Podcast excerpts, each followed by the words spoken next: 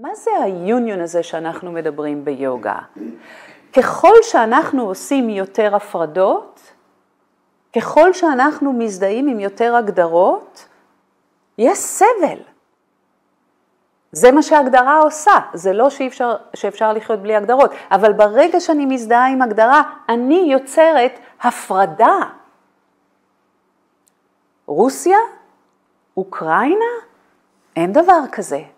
יש אנשים. זו אשליה שיש מדינות.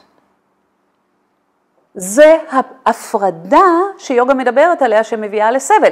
כי אם רוסיה הייתה מבינה שכולם אנשים, ויש להם ילדים, וכל הילדים צריכים לאכול, וכל הילדים צריכים שיאהבו אותם, וכל הילדים צריכים מקום לישון, ורוסיה ואוקראינה, ישראל וסוריה, ארצות הברית וקנדה, בריטניה וצרפת, זה אשליה של ה mind, היינו מורידים טונות של סבל. כשאני נעה במשך היום, ה mind שלי כל הזמן מספר לי מה קורה, ואני צריכה להמשיך להתבונן בו, כי מה שהוא מספר לי זה אינטרפרטציה מאוד מצומצמת למציאות הזאת.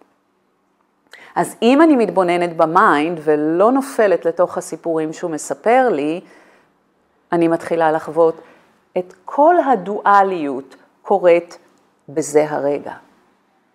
ורוחניקים בעיקר מדברים על היוניון, על האיחוד, אבל קשה לרוב האנשים להביא את זה לחיים. למשל, אחד המושגים שאתם תראו ברוחניות זה קדושה.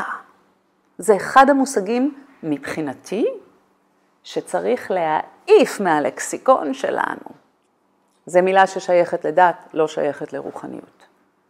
כי קדוש זה קודם כל הבחנה של ה mind שלנו. והנה באה המילה קדושה. ברגע שאני אומרת שהכוס הזאת קדושה, אני מציינת את זה ובאותו רגע אני יוצרת את המושג טמא. זו כוס קדושה, זו כוס טמאה. פה יש סבל. ברגע שאני אומרת היא קדושה, אני יצרתי כרגע את המושג שיהיו אנשים טמאים, וזה מעניין. כי רוב האנשים מתייחסים להודו כאחת המדינות הרוחניות שיש, כשהיא אחת המדינות הכי נבערות שיש, אחת המדינות שעדיין יש בה קסטות. יש אנשים שנחשבים שם קדושים, ויש אנשים שנחשבים פחות מחיות. אז אתם מבינים איך המילה קדוש, קדושה, מסוכנת? אין קיר אחד במקום הזה שהוא קדוש, אבל יש קיר בירושלים העתיקה, קיר, אבנים, שהוא קדוש. כמה דם נשפך על הקיר הזה, כי mind החליט שהקיר הזה קדוש. כמה דם עוד יישפך על קיר. כי ככל שאנחנו עושים הפרדות, ככה יהיה סבל.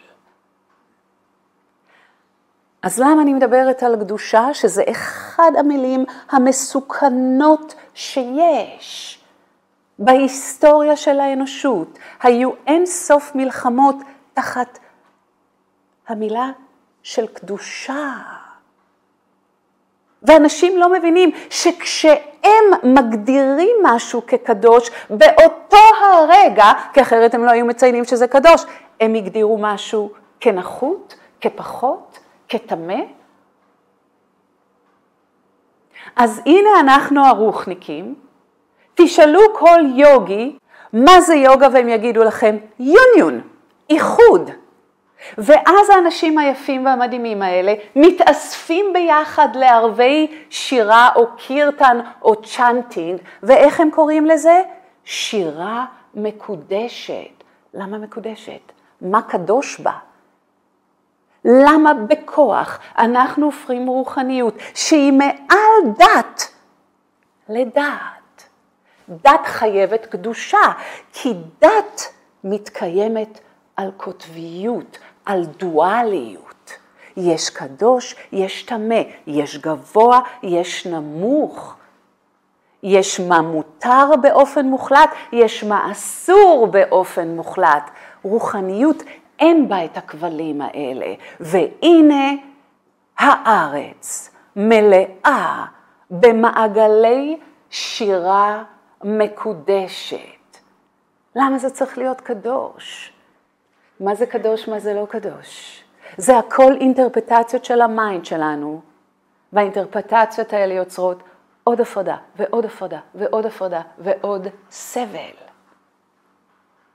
יש ערים שמשרתות אנשים שגרים בהן, ואז פתאום יש ערים קדושות. למה הן קדושות? מה קדוש בהן? ואנחנו חיים במדינה שיש בה עיר קדושה, שבמשך אלפי שנים אנשים הרגו ונהרגו, כי מישהו החליט שהעיר הזאת קדושה. כל דבר שאנחנו מגדירים אותו, אנחנו באותו רגע יוצרים הגדרה נגדית. זה הגדרות. הגדרה גדר. אני בגדר הזאת כוללת את הדברים שאני מגדירה, כל מה שמחוץ לגדר לא נחשב. לא, זה לא שאתה לא משתמש בהגדרות, אתה חייב להשתמש בהגדרות, אוקיי? כי אחרת לא נוכל לדבר. ברגע שאני אומרת, אתה רוצה כוס תה, אתה יודע על מה אני מדברת, הגדרנו, אתה יודע שאני לא הצעתי לך אמבטיה עכשיו, אוקיי? אבל אם אני מזדהה עם הגדרה, יש סבל. אז קיר זה הגדרה, אתה מבין מה זה קיר, אני מבקשת ממך לבנות לי קיר פה, אתה יודע על מה אני מדברת. אבל כאדם רוחני ומודע, אני כבר עושה בחירה בהגדרות, ואני יודעת שאם אני אתחיל להגדיר את הכוס הזאת כקדושה, אני יוצרת כוס שהיא נחותה ממנה. ואני יודעת שההפרדה הזאת, אתה מבין, יש הבדל בין להגדיר את זה ככוס, אבל לדעת שאין פה כוס. אולי יהיה רגע שכבר ההגדרה של כוס לא תתאים פה. אם אני מזדהה עם זה ככוס, או אם אני מזדהה עם זה ככוס קדושה, אני לא רואה שבעצם אני זאת שיצרתי את ההגדרה, אני חושבת שההגדרה הזאת קיימת באופן מוחלט.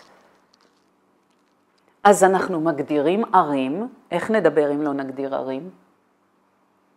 אבל אם אתה מגדיר עיר כקדושה, שאין בעיר הזאת שום דבר קדוש, עד שאתה תבוא תגיד שהעיר הזאת קדושה, צריך איזשהו mind שיבוא ויגדיר את העיר הזאת קדושה. אם אתה מבין שאם אתה מזדהה עם הקדושה של העיר הזאת, סבל יהיה פה. אז אנחנו מדברים ברוחניות, ברוחניות יותר על לא להזדהות עם הגדרות, אתה מגדיר, אבל אתה חייב לשחרר את ההגדרה.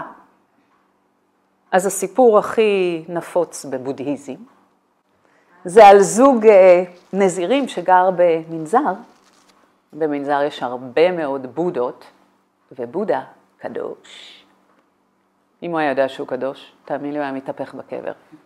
כי בודה תפס את עצמו כמורה, לא תפס את עצמו כקדוש. ואז הגיע חורף מאוד מאוד קשה, וכל העץ שלהם נשרף, הם שרפו את כל העץ. אין, אבל החורף מאוד קשה, אין יותר עץ. ואחד הנזירים קם בבוקר וקפוא, מנזרים בטיבט, מאוד גבוהים ומאוד קר שם. אין יותר, עוד רגע, אם הוא לא שם עץ באש, באח, אין אש, הם ימותו מקור. מה הוא עושה? לוקח בודה מעץ וזורק אותו לאש. קם עוד נזיר, רואה מה קורה ומזדעזע, כי בודה קדוש. והוא צועק, מה אתה עושה? זה בודה, אתה לא יכול לשרוף את בודה. ואז הוא אומר לו, זה לא בודה, זה עץ. אין שום הגדרה שהיא מוחלטת. כשנכון לנו, זה בודה, גם תשתחווה לבודה אם אתה רוצה. כרגע אין יותר עץ, נמות אם לא ניצור אש, בודה עשוי מעץ, אחלה עץ. זרוק אותו לאש. אבל בודה קדוש. היה לי מקרה מאוד מעניין, זה היה בוונקובר, היה לי מרכז ליוגה בוונקובר, ויש הרבה מאוד סינים שגרים בוונקובר ורבים מהם בודהיסטים. אז uh, אני מאוד מקדשת בתי שימוש. אם יש חדר קדוש בבית, זה השירותים. אז במרכז שלי היו שירותים מאוד גדולים ויפים, והיה שם פסלון של בודה. אחת התלמידות כתבה לי מייל, כועס, ואמרה, פגעת ברגשותיי. אני בודהיסטית. בודה לא שמים בחדר שירותים. חדר שירותים זה דבר טמא, בודה זה קדוש. אז מיד התנצלתי, אמרתי לה, זה ממש לא הדבר שהתכוונתי לעשות. שאלתי אותה, אם את מכורח הנסיבות לא תוכלי ללכת חודש למקדש שאת בדרך כלל הולכת להתפלל לפני בודה. ובאותו זמן, חודש ימים את לא תוכלי ללכת לשירותים. לא לשתן ולא לצואה. בואי תספרי לי באיזה מהסיטואציות את תהיי במצב קשה. כשלא תוכלי ללכת לשירותים במשך חודש, או כשלא תוכלי ללכת למנזר או למקדש במשך חודש. שירותים זה הדבר הכי בסיסי לבריאות שלנו. אם אתם לא הולכים שלושה ימים לשירותים, אתם במצב קשה. אז אני חושבת שלכבוד הוא לבודה להיות בחדר קדוש כזה. רותם, את יותר מדי נהנית פה. אתם מבינים? ולא שאני מחזיקה את האמת המוחלטת, כמובן שלא. זה הכל הגדרות. אבל ברגע שאנחנו מזדהים עם הגדרות, וברגע שאנחנו מוסיפים להם אמת מוחלטת כמו קדושה או טוהר, הרבה תשמעו ברוחניות על צריך להיות טהורים, צריך שהמיינד יהיה טהור. המילה טוהר כבר הרגה מספיק אנשים באנושות. הגזע הטהור, הדת הטהורה, פסלים שהם טוהר. זה היוניון, זה האיחוד ביוגה. הכל קורה בעצם באותו רגע. אם אתם אומרים שהכוס הזאת קדושה, סבבה. היא באותו זמן גם טמאה. כי דואליות קורית ב mind בלבד באותו הרגע. וברגע שאין למעלה ואין למטה, באופן מוחלט. ברגע שאין קדוש ואין טמא באופן מוחלט, ברגע שאין טוב ואין רע באופן מוחלט, וברגע שאין נכון ולא נכון באופן מוחלט, אנחנו כבר משחררים טונות של סבל.